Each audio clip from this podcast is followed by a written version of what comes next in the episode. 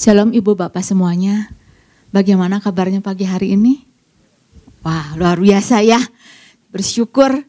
Saya percaya Ibu Bapak tetap antusias mengikuti pesan demi pesan. Karena pesan demi pesan itu adalah tuntunan bagaimana kita harus menjalani kehidupan ini. Apalagi pesan Tuhannya untuk minggu ini bahwa ada musuh yang berusaha untuk masuk menerobos di dalam kehidupan kita dan jangan biarkan musuh itu menginjak-injak ya. Jadi uh, judulnya adalah jangan biarkan musuh menginjak-injak.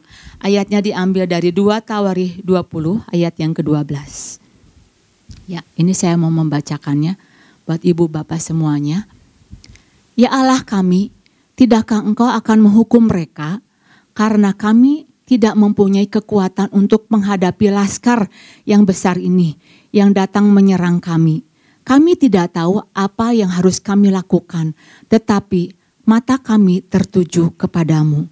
Jadi ibu bapak lewat pesan Tuhan ini kita sedang diperingatkan bahwa ada musuh yang berusaha untuk masuk ke wilayah, wilayah sektor-sektor di dalam kehidupan kita dan jangan sampai kita menjadi orang yang diinjak-injak oleh musuh.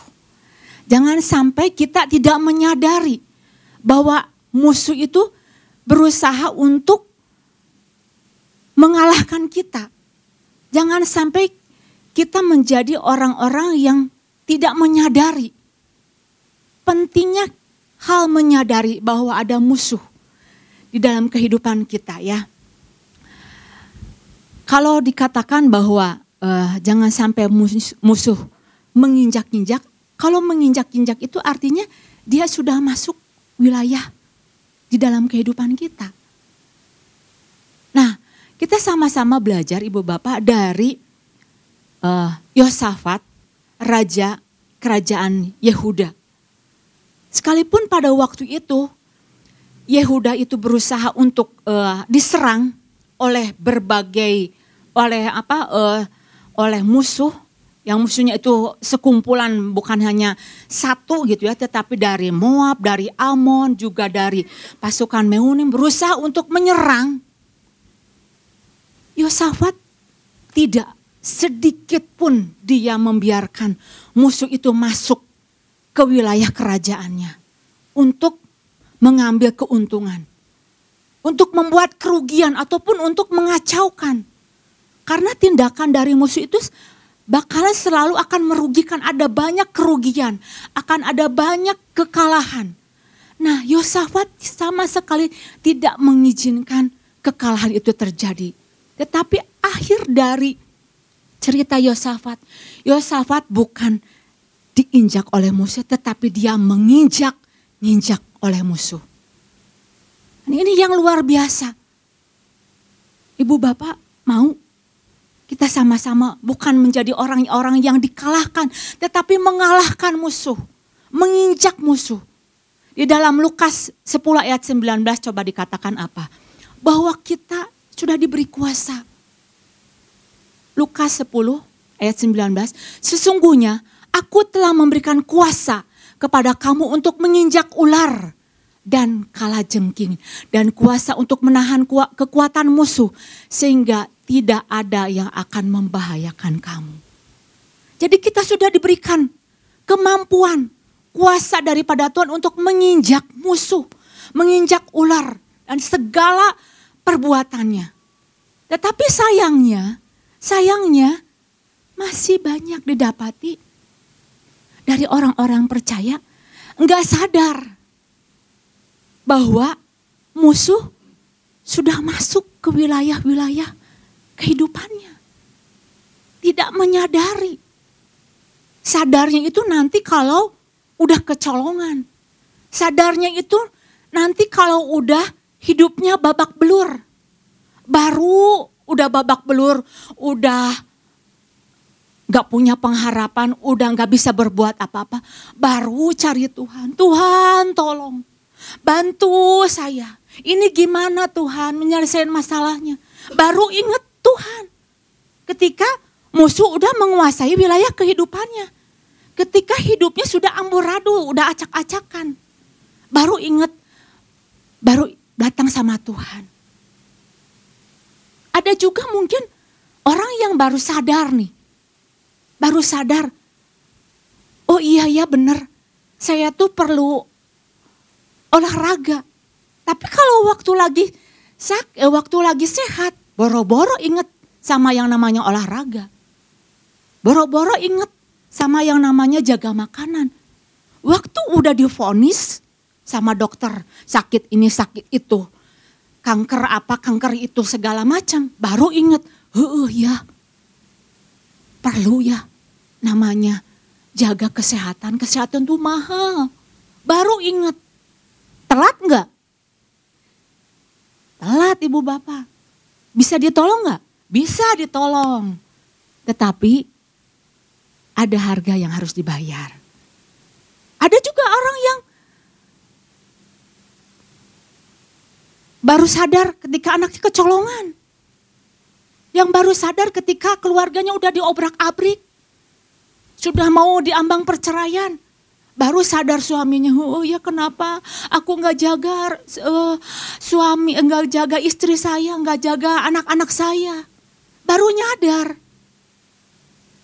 Ibu bapak ingat, masih bisa ditolong, tetapi ada harga-harga yang harus dibayar, mahal harganya. Itu ingat, ingat sebelum musuh mengobrak-ngabrik, menginjak-injak, lebih baik kita bertempur, lebih baik kita menjaga terlebih dahulu kehidupan kita. Karena ada pepatah mengatakan lebih baik kita mencegah daripada mengobati. Biaya untuk mengobati itu jauh lebih mahal daripada kita harus menjaga. Nah ibu bapak, inilah yang menjadi pesan Tuhan bagi kita. Bahwa kita harus jaga, pelihara kehidupan kita. Kemarin kita sama-sama udah dengar ya apa yang menjadi uh, pesan dari uh, Bapak Gembala. Bahwa beberapa hal yang harus kita miliki dan harus kita pahami. Bahwa ada musuh yang mencoba masuk dan menginjak-injak kita. Ya. Poin yang pertama adalah miliki ketajaman sehingga dapat mengantisipasi siapa dan apa yang akan dilakukan si musuh. Jadi penting kita punya ketajaman supaya jangan salah kita mengidentifikasi. Jangan salah harusnya yang dilawan siapa, ini malah melawan siapa. Jangan salah ya, kita harus bangun terus ketajaman kita. Kemudian miliki mentalitas bahwa kita bisa mengatasi bersama-sama dengan Tuhan. Jadi Yosafat pada waktu dia waktu dia diserang oleh musuh, tindakan dari Yosafat adalah Yosafat mencari Tuhan. Jadi namanya mencari Tuhan itu bukan sekedar berdoa, berdoa. Enggak salah dengan berdoa, tetapi kita belajar untuk cari tahu kehendak Tuhan. Kemudian kemudian kita melakukan apa yang menjadi uh, kebenaran yang dinyatakan yang harus dilakukan. Kemudian dari hamba-hamba Tuhan yang lain kemarin sudah menyampaikan apa yang harus kita miliki. Saya enggak catat ibu bapak nanti bisa ikutin ya. Apa yang harus kita miliki, apa yang harus kita pahami. Nah poin ini yang saya mau lanjutkan apa yang harus kita miliki dan kita pahami bahwa bahwa ada musuh yang berusaha untuk masuk dan menginjak-injak kita. Selanjutnya adalah miliki keberanian untuk melawan musuh. Miliki keberanian untuk melawan musuh. Diambil dari 2 Tawari 20 ayat 3.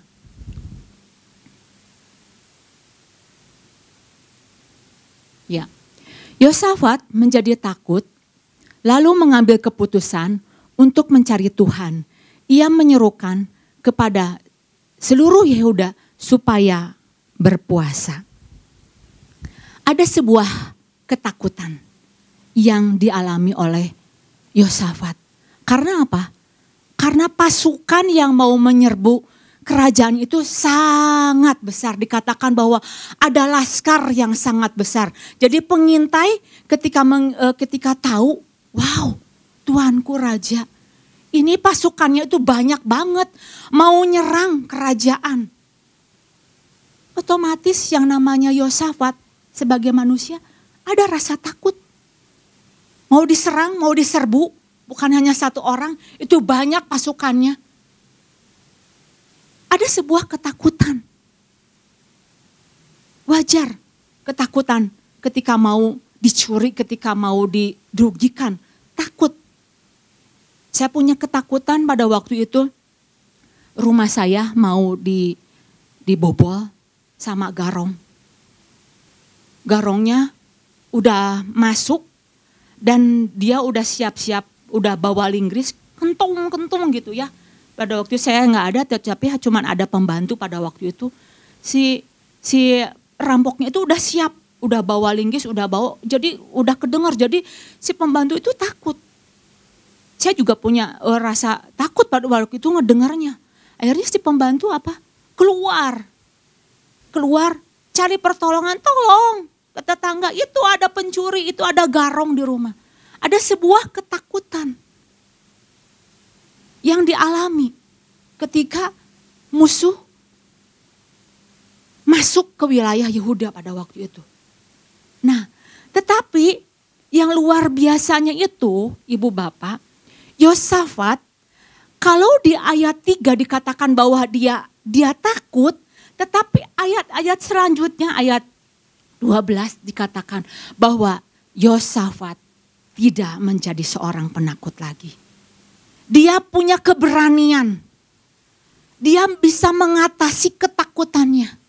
Dia tidak terhentikan karena dia rasa takut, karena ada rasa takut. Enggak sama sekali. Tindakan Yosua begitu luar biasa. Dihadapi semua musuh-musuhnya. Nah, Ibu Bapak di sini jadi kita harus bisa membedakan ternyata yang namanya ketakutan itu gak bisa. Jangan dibiarin. Ketakutan, kita harus membedakan yang namanya ketakutan dengan bahaya. Kalau ketakutan itu harus kita hadapi. Jangan dibiarkan. Yang namanya ketakutan itu jangan membuat kita terhenti untuk tidak melakukan sesuatu. Yang namanya ketakutan itu bisa membuat kita tidak bertindak apa-apa. Kalau yang namanya bahaya, bahaya itu harus dihindari. Kalau ketakutan jangan dihindari, harus dihadapi. Kalau yang namanya bahaya misalkan ada ular nih, mau macok ya ke kita. Nah, itu kita hindari. Tapi yang namanya ketakutan harus kita hadapi. Artinya apa? Perlunya sebuah keberanian untuk kita melawan musuh. Perlu keberanian untuk kita melihat fakta. Kenyataannya sih oh benar, musuhnya itu banyak. Mata melihat, uh benar. Gak bisa ditutup, siap-siap mungkin untuk membunuh, untuk mengambil keuntungan, untuk mengeruk, untuk menjarah. Tetapi sama sekali Yosafat tidak memposisikan dirinya menjadi orang yang lemah pada waktu itu. Ibu bapak tahu apa kuncinya? Sampai akhirnya dia yang tadinya takut menjadi seorang yang bisa mengalahkan dan memperoleh kemenangan. Bahkan musuh diinjak-injak, musuh dikalahkan. Ibu bapak ingin tahu? Nah skip dulu sampai di sini ya. Ternyata ibu bapak ada sebuah, ada kunci bagaimana Yosafat bisa mengalahkan ketakutannya ya. Kalau misalkan uh, kita tahu ya ibu bapak ya, uh, seorang anak nih, seorang anak kecil ya, lagi terancam, ya, lagi terancam e, dirinya. Mungkin lagi di sekolah ada yang ngejahatin atau yang lagi ngebully. Maka anak ini, apa yang dilakukan oleh anak ini? Anak ini pasti akan lapor sama bapaknya. Papa, dia jahat sama aku, dia minta pensil atau atau mungkin minta alat-alat tulis dan kalau di, nggak dikasih, aku mau dipukul. Bapak mana yang kalau mendengar anaknya terancam, dia nggak akan bertindak? Bapak mana yang kalau mendengar tahu anaknya lagi di lagi di apa? Lagi dalam keadaan diserang, bapaknya itu tinggal diam. Saya punya pengalaman pada waktu itu. Waktu saya di diancam sama teman saya mau dibeginiin, mau dipukul, mau ada apa. Langsung saya bilang sama papa saya. Eh besoknya papa saya datang. Enggak ngapa-ngapain. Cuman datang ke sekolahan, perhatiin oh ini anak yang mau pukul anak saya. Cuman di, diam aja ngeliatin cuman. Hmm, melototin. Langsung itu si anak itu kabur takut. Nah ini ibu bapak yang dialami oleh Yosafat. Pada waktu Yosafat dia alami ketakutan karena ada banyaknya musuh yang Yosafat cari. Dia cari bapaknya. Dikatakan apa? Yosafat mencari Tuhannya. Dia cari, dia lapor sama bapaknya. Bapak, ini musuh banyak banget. Ini harus digimanain. Yosafat hanya datang, hanya berharap, hanya bersandar karena bapaknya yang mampu bisa ngerjainnya, yang bisa mampu mengatasinya. Dan ketika tahu si anak nih ada tahu bapaknya datang, wah, dia hatinya tenang. Karena apa? Ngerasa dia di backup, ada backup dari bapaknya. Sama, begitu juga Yosafat Ketika tahu, ketika tahu bapaknya yang di surga membackup dirinya, membackup kerajaannya. Maka yang dilakukan oleh yang dilakukan oleh Yosafat, Yosafat berani bertindak. Dikatakan bahwa bukan engkau lagi yang berperang, tetapi aku yang berperang, kata Tuhan. Tuhan katakan, jadi sebuah keberanian itu muncul dari orang-orang percaya ketika dia menyadari, oh ternyata ada backup dari surga yang turun di dalam kehidupannya. Tetapi berapa banyak hari-hari ini ibu bapak, orang-orang percaya menjadi takut, menjadi khawatir ketika intimidasi datang. Aduh nanti gimana ya, kalau nggak sembuh gimana? Nanti gimana ya kalau kebutuhan tidak tercukupi? Nanti gimana ya anak saya kalau kuliah uangnya nggak ada. Ada banyak ketakutan demi ketakutan. Ada banyak intimidasi.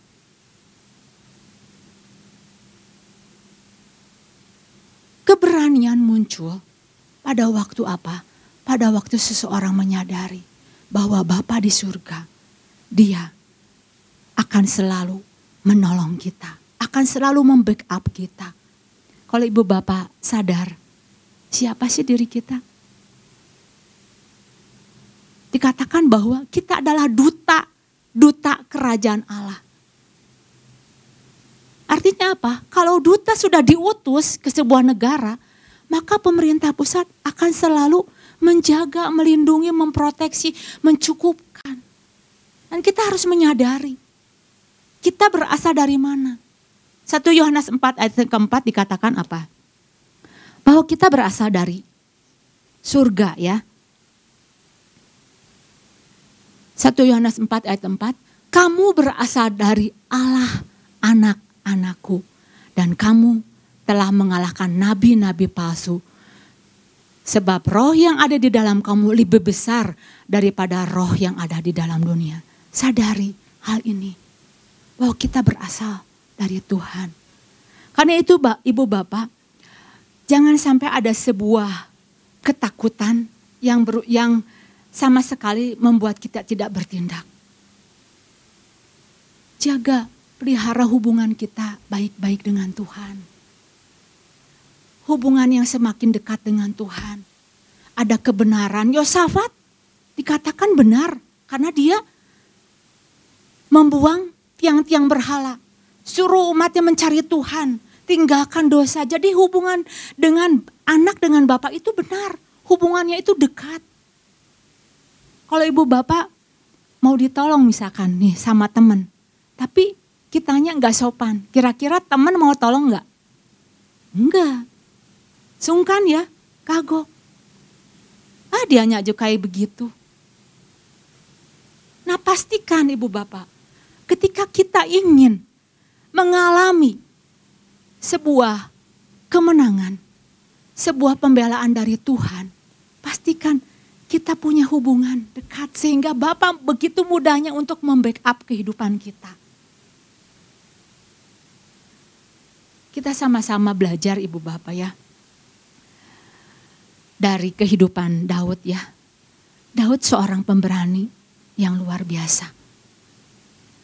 Ketika dia diolok-olok oleh Goliat, tindakan dari Daud itu dia enggak bersembunyi di tenda. Kemudian dia berkucuran keringat dingin gitu, enggak takut gitu ya. Atau mungkin dia sambil menangis mengasihani Tuhan. Enggak. Tolong, itu Goliat udah besar. Oh enggak.